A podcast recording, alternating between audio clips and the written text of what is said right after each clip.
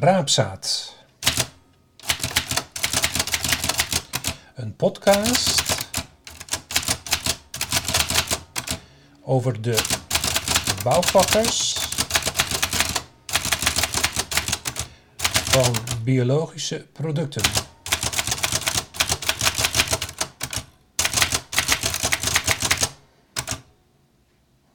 Hmm.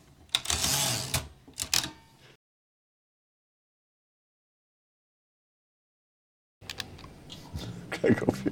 Maar even meeluisteren of je hem wel werkelijk aanzet. Nee, ik heb hem al uit. Ja, we kunnen het in het Fries eh, doen eh, verder. Ja, dat ken ik niet. Michel Jansen, de kleinste soepfabriek. Deel 1. Wat daar aan de soep vooraf ging. Heb ik gedacht, ik ga één ding goed doen eh, in mijn leven. De, Club van Rome had zijn verslag uitgebracht. Wat nu aan het gebeuren is, voorspelden ze al. We stonden te genieten. De eerste biologische banaan. De eerste biologische sesamzaad. De eerste biologische dit, eh, weet je wel. Nee, Michael belde mij. Maar jij praat altijd maar over die soep. Is het niet tijd om eh, eh, dat ik je ontsla en dat je dan wat geld meekrijgt? We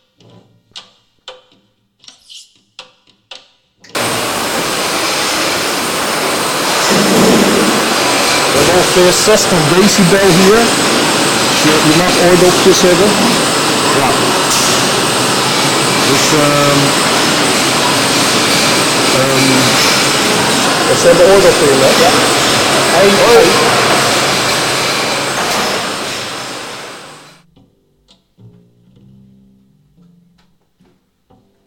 Ik was uh, anderhalf week geleden was ik in uh, Sneek. Toen ben ik uh, bij uh, de toevoegingswinkel Lotus binnen geweest. Ja. Met Elisa Regeer gesproken. Maar die bestaat nog steeds. Maar ze was kaas aan het snijden voor mij. En toen zei ze van ja, vroeger, en dat ging niet zo goed, vroeger ehm, sleep Michel altijd de, ka de, de kaasmes. ik zei, huh? bedoel je Michel Jansen? Ja, Michel Jansen. Want die woonde in Britsford. En die was in de zomervakantie, viel die wel eens in. Ja. Maar kun je iets vertellen over Britsford, dat dorpje 10 kilometer boven Sneek ongeveer, 100 ja, mensen, nee, van wat voor periode dat geweest is? Ja, de oppositie van Beeldhoven, denk ik. Ja, ja, ja. ja, ja. ja pas, pas nu ik ouder word, begin ik te merken dat, dat ehm, dat de plek waar je geboren wordt toch heel veel invloed heeft op wie je wordt. Of ja.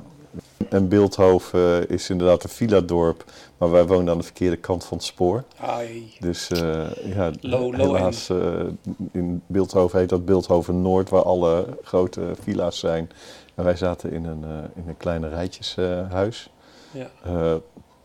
Um, hele, hele, hele fijne, beschutte jeugd. Uh, Beeldhoven was al heel gemengd op een of andere manier. Uh, um, de beste vriendin van mij is uh, Katie Folders, die, um, die kwamen van Suriname.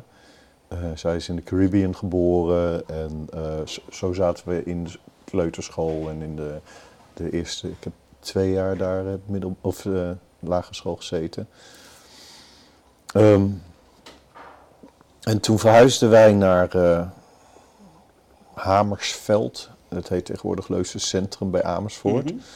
Um, en dat was voor mij een hele shock, want ik kwam in een klas terecht die... Uh, dat was de eerste klas die gemengd was. Dus voorheen was dat nog katholieke jongensschool, meisjesschool. En dit was de eerste gemengde klas. Um, en ik kwam daar met mijn moeder aan en voor, in mijn idee stond de hele uh, school voor de ramen en die begon te scanderen China Cleanse. Oh? Weet je nog wat dat is? Ja, nou goed, het is natuurlijk een beetje een scheldwoord, maar... Ja, maar de China Cleanse was een van Farce Majeur. Oh. Dat was dat, dat beetje cabaret. Ja, programma. Ja, Zo'n satirisch programma ja, noemden ze ja, dat. Um, En zij, ja, zij hadden een, een, een item eh, waarbij waarschijnlijk hij verkleed was als Chinees op een fiets. En hij had een wereldbol bij zich.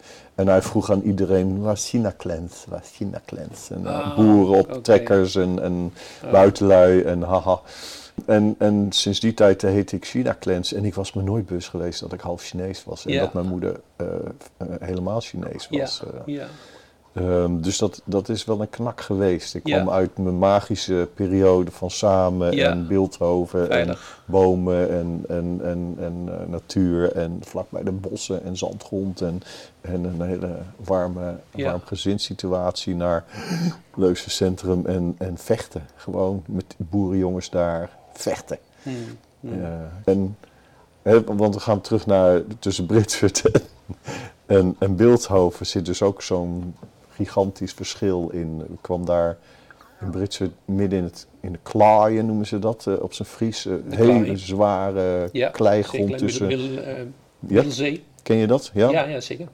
Ja, we kunnen het in het Fries doen eh, Oh, dat ken ik niet. dat ken ik nooit. Ik, ken ik, correct. ik, ik gooi, alle, gooi alles door elkaar heen.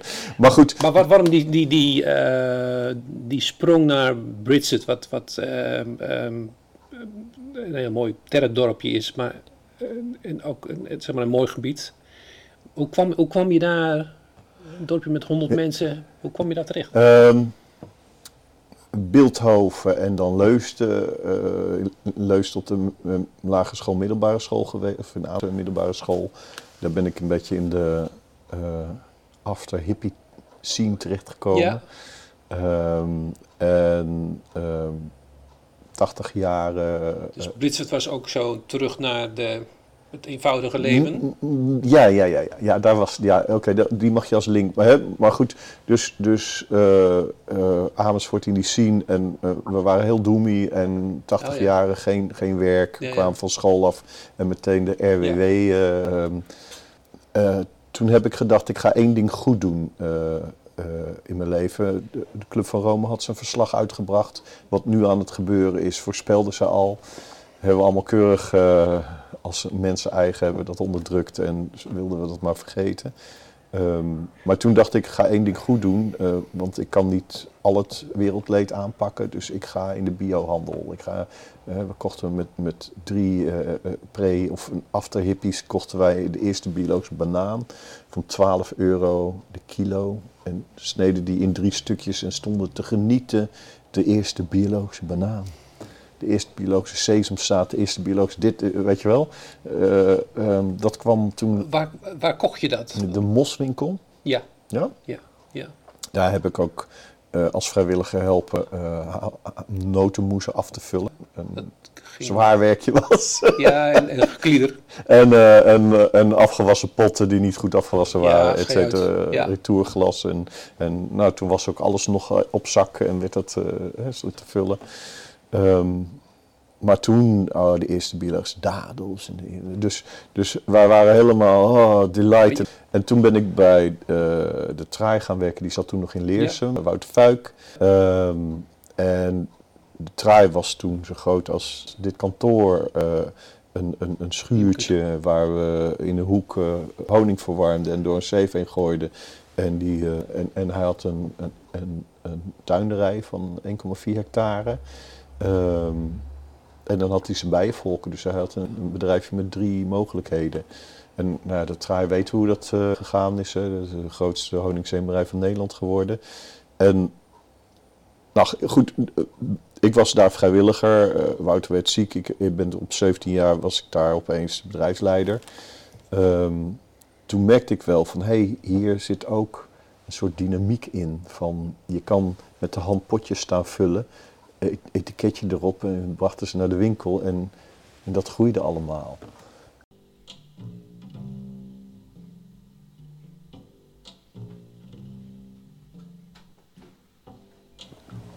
Daarna ben ik voor de liefde eh, ben ik naar Groningen gegaan. Kwam ik, ik, ik- op een of andere manier was er al vroeger link met Groningen, maar dat vrienden gingen daarheen of zo. Ik weet eigenlijk. Goed, er zaten vrienden, eh zat een vriendin. 90. Ja, en daar, daar ben ik gaan samenwonen en toen eh, ehm, hebben we een woonwagen helemaal omgebouwd, zo'n oude klassieke woonwagen. En daar hebben we een trekkertje voor gezet. Daar komt het trekkertje weer terug. Mhm. En toen zijn we eerst in Olderkerk hier vlakbij, Westertier gaan zitten. En dat Ja. vonden we een geweldige omgeving. Het eh, coulissenlandschap, eh, het was een verwilderde camping. Ehm, echt vrienden voor het leven ontmoet. eh, en, eh, maar daar werden we na een jaar, moesten we daar weg, want het was eigenlijk een soort illegale bewoning. En toen hebben we een, dus die plek in Britsford gekocht. En wij hadden een soort ideaal van nou, buiten wonen en als, als een beetje als Older. Nee, we waren met z'n tweeën, ja. ja. Met een heleboel kat en hond en, en eh, met tweeën in die woonwagen. Dus toen trokken we dus naar, eh uh, naar Britsford toe. middle of nowhere. Daar- en ik had toen een extra wagen erbij. En, eh, dus we kwamen daar met twee woonwagens, waarvan één prachtig beschilderd. Kwamen we daar naar Britsford toe, eh, waar 100 mensen wonen. En wat volgens mij tien jaar daarvoor net een aanvoerweg had gekregen, zodat de mensen niet één keer per, per schip naar, per jaar naar Sneek gingen, maar misschien wel één keer per maand eh, in, in de wilde stadse wereld van Sneek terechtkwamen. Of als de ijs lag, gingen ze met de schaats. Dat heb ik ook eens een keer gedaan. Maar goed, je, kan je voorstellen, hè, Westerkwartier, Groningers, eh, zandgrond, eh, relatief open, redelijk gemakkelijk in omgang naar de klaaien en de Britswurt en honderd mensen. En wij waren Pipo en Mamalou. Want wij hadden daar een, een turfschuur gekocht en, eh, aan het water. En eh, we dachten, die gaan we opknappen als huis. Nou, dat mocht niet.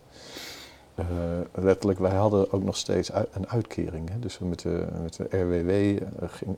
eh, met de desbetreffende formulieren, niet UB40, maar een ander Nee. eh, formulier, gingen wij een huis bouwen. Dus we hebben daar heel low, low budget en, en iedereen, nou ja, alle fouten gemaakt. Eh, dus in de, in, de, in, de, in de tijden van de vakanties dat de familie eh, op vakantie ging, nam ik dan die hele natuurvoedingswinkel over. En stond ik daar twee of drie weken dat zij op Ja. vakantie waren.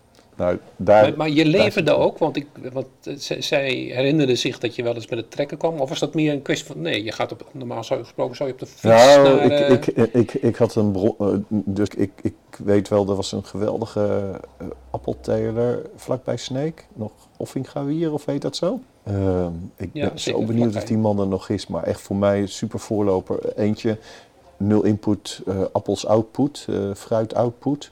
Alleen maar, hij zei, ik mest niet, ik maai alleen maar mijn gras en mulch, eh, de boomkronen en eh, super snoeier, weet je wel. Paraplu's, ken je die echte, echte oude rassen die als een paraplu zo openstaan naar het licht en overal ruimte erin. En super oude mooie rassenappels. Die appels die kocht ik en ik stond dus daarmee op woensdag op de Snekermarkt. Oh ja. Op de Kopse kant, Ja, daar eh, Groot zand. groot zand.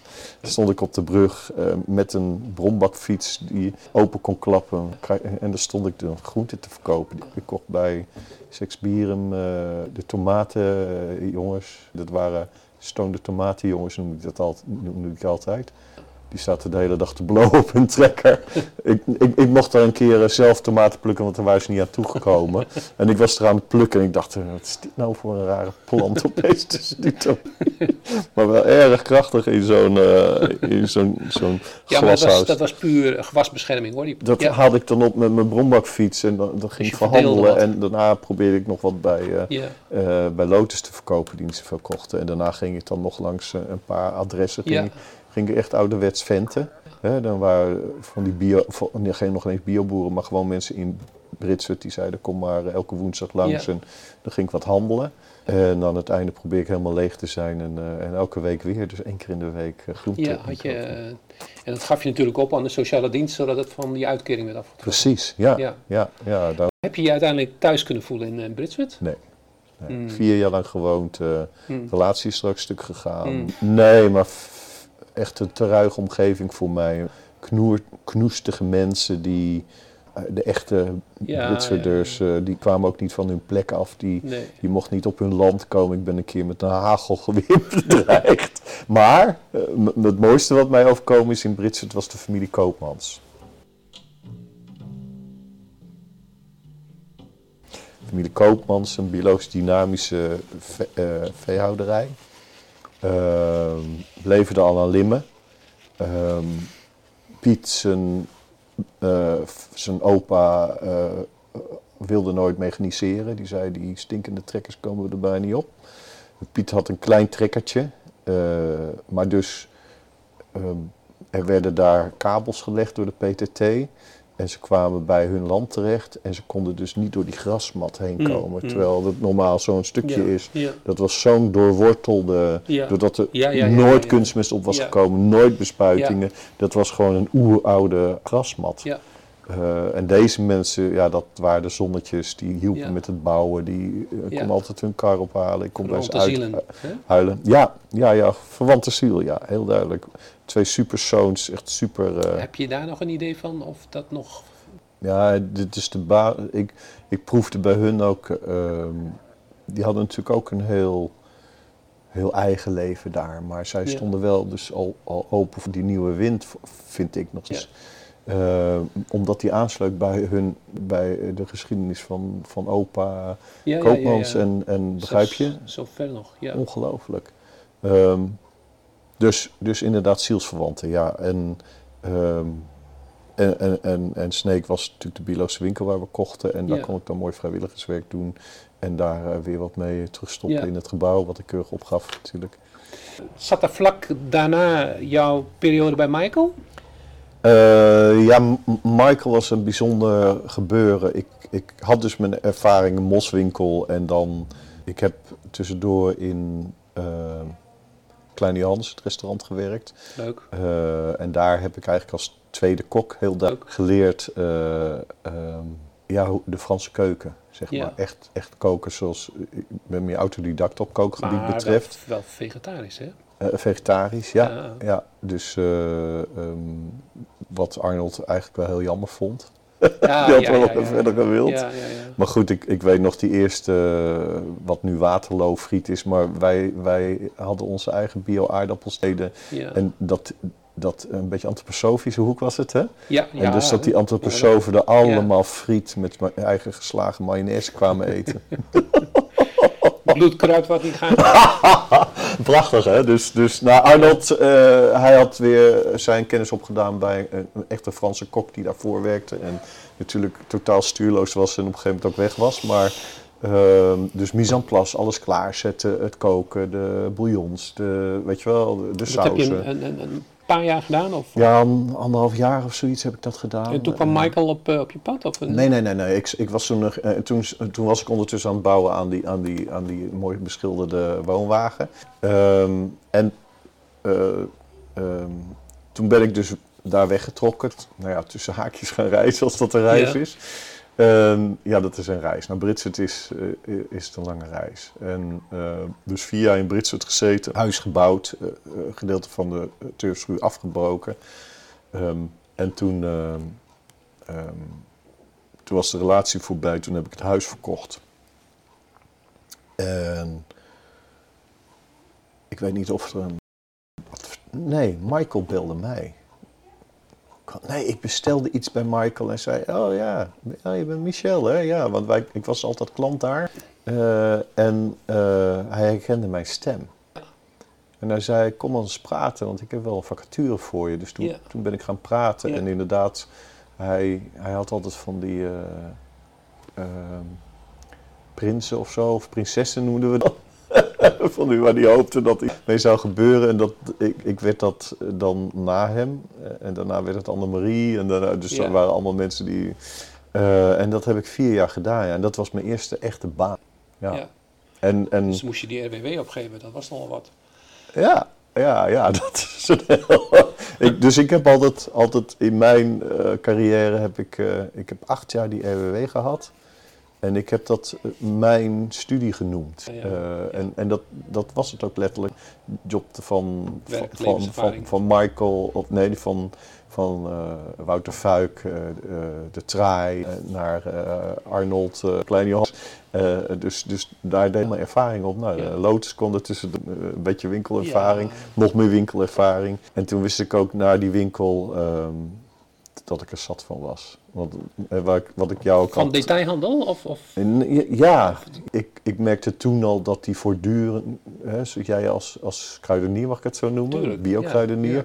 die voortdurende beschik, dienstbaarheid en Mm. beschikbaar was. eh, Mm. daar werd ik echt helemaal gek van. Mm. Ik heb de neiging ook misschien om te veel dan van mezelf weg te geven en dan heel hola hola hij te zijn. En dat haalt zich in.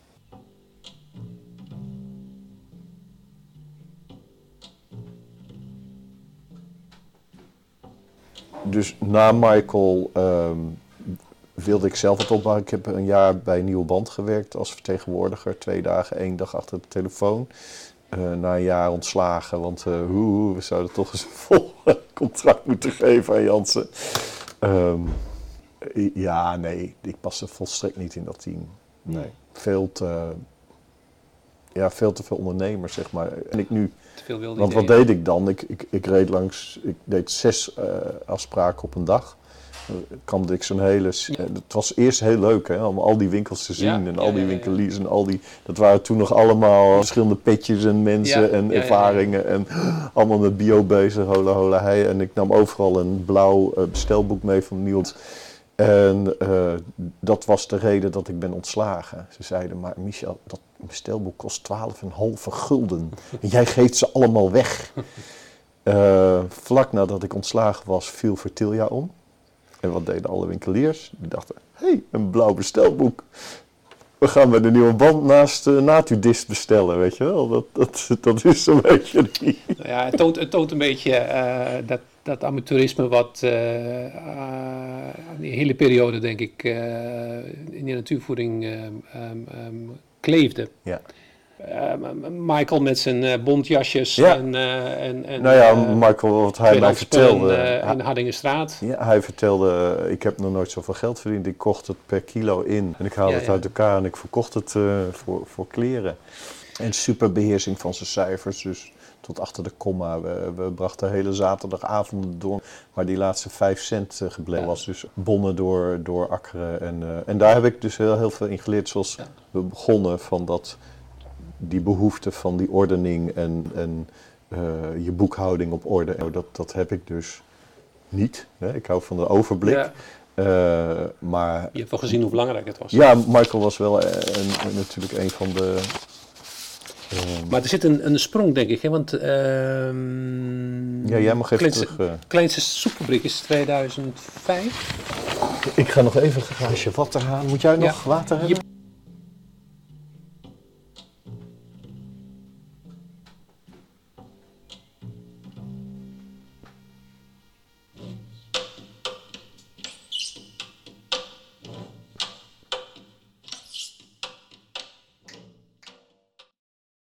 Ja, ik vind het wel bijzonder om die, eh, die weg terug te vinden, merk ik opeens. En dat emotioneert ook. Hmm. Bijzonder, hè?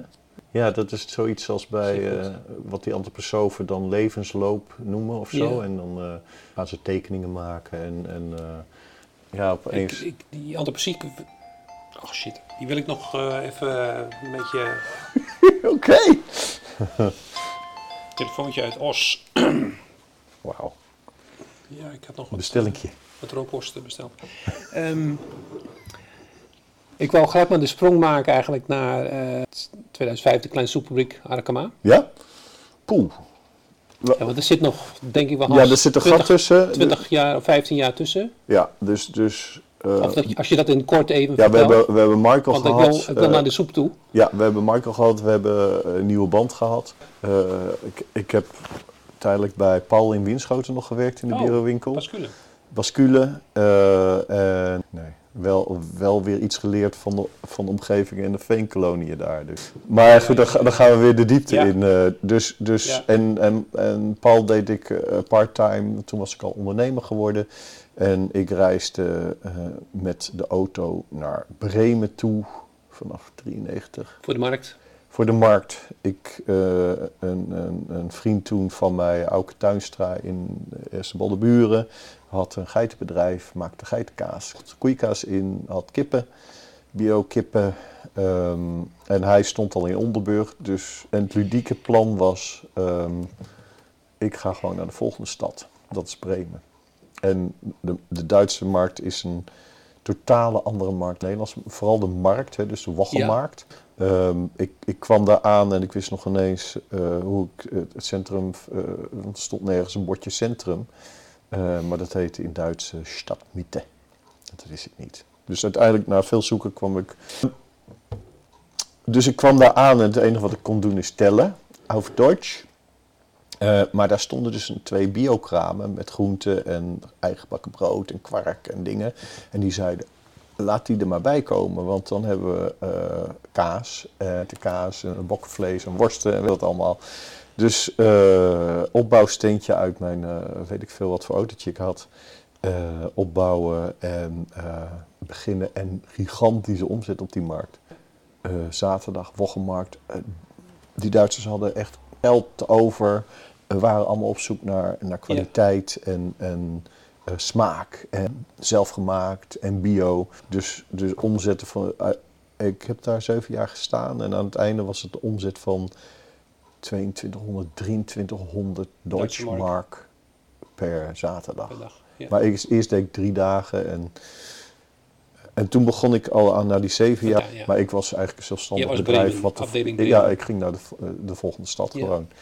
Dus een bijzondere tijd gehad, Duitse cultuur leren kennen, helemaal wel verliefd geworden over de taal en over de mensen. En uh, Bremen is een echte uh, socialistische stad. Mm -hmm. Dus uh, elke keer demo's en, en heel rood, heel, ja, heel progressief. Um, goed, veel, veel meegemaakt, maar daar merkte ik ook van ja, ik kan wel alles, alles inkopen en verkopen, maar er zit eigenlijk de marge niet. Dus ik ik wilde, uh, en Auke had dan Milo's legkippen over. Uh, na, na anderhalf jaar, hè, dan worden ze geslacht. Die zei, ja, ik krijg daar maar 2,50 voor, dus nemen ze 27 kipjes mee. En toen ben ik die in een wekpan thuis gaan koken. Op, uh, in een grote wekpan, eerst koken, kruidenpakketje erbij, de karkassen terug, het geplukte vlees onder in de pot, bouillon erbovenop. In dezelfde pot als die we nu nog gebruiken, Sturzglas. Want Sturzglas kan je in Duitsland, wordt daar heel veel gebruikt voor jammakers. dat kan je dus per, per 12 in een doos kopen. Ja. Zo, zo lopen de dingen. Zo, dat is niet zo gepland. Uh, maar ik was nee, maar het is wel een, een, een spoor waarop je uiteindelijk ja, gegaan. Hè? Ja, ja, ja, dat huiselijke macht en kleine schaal. En uh, smaakvol en bio. En nou, in Duitsland liep dat als een trein. Dus de boekhouder zei van, uh, zou je dat niet eens verder uitbreiden? En ben ik daar merkte ik ook, ik, ik, was uiteindelijk een beetje eh, aan het einde van mijn cyclus van direct klantencontact. En kwam, die, kwam dus dat ontwikkelen toen externe Biostrada. Jij kent het ja, nog? Zeker, zeker, dat, zeker, dat, was de voorloper van Klein Soefie. Biostrada ja. was een uh, vreselijk slechte naam en vreselijk slechte layout en het zat in blik. Dus dat waren uh, 400 blikjes per maand verkochten we toen. Oh. Van zeven smaken, waarvan er vier nog steeds, vijf nog steeds verkocht worden. Hmm. Ja. En, en um, ja, dat is eigenlijk de, de, de, de opstart geweest van hmm. eerst uh, veel geld erin gestopt. Heel vaak in een grote productieomgeving leren hoe je ze hmm. kookt en hoe je afvult en hoe je steriliseert. En toen, uh, toen zei die fabriek, ja, dat is ons veel te weinig. En toen ben ik gaan zoeken van ga ik het opgeven. Toen was ik in loondienst bij, uh, uh, bij het Groene Land Verzekeraar. Ja, daar zat ik inbound uh, de hele dag te bellen. Mijn zoon was net geboren in 2000 en ik dacht als ik dan ook nog on zelfstandig ondernemer ben en altijd onderweg, dan maak ik hem helemaal niet mee. Dus de eerste vijf jaar van zijn leven heb ik, was, je paraat? was ik paraat. en ondertussen was ik aan het, aan het klooien van ga ik dan die volgende stap zetten. En en in 2005 zou de hele inbound van Groenland verplaatst worden naar eh, FPTO in Leeuwarden. En je dacht, ga ik dan twee uur per dag reizen om achter die telefoon te zitten? En uh, de teamleider zei tegen mij, uh, jij levert kwalitatief hele goede gesprekken. Maar ze duren gemiddeld 11 minuten en je mag maar twee minuten daarvoor gebruiken. ik zei ja, ik kan geen kwaliteit leveren in twee minuten. Dan kan ik alleen maar ja en nee zeggen en, en, en doe je. En hij zei ja, wat zou mij, ja, ja ik, ik, ik weet, maar jij praat altijd maar over die soep. Is het niet tijd om uh, uh, dat ik je ontsla en dat je dan wat geld mee krijgt?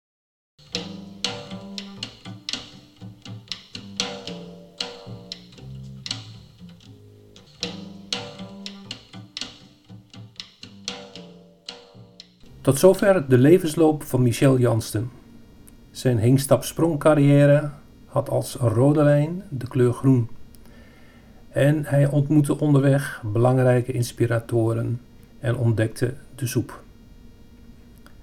In deel 2 de kleinste soepfabriek.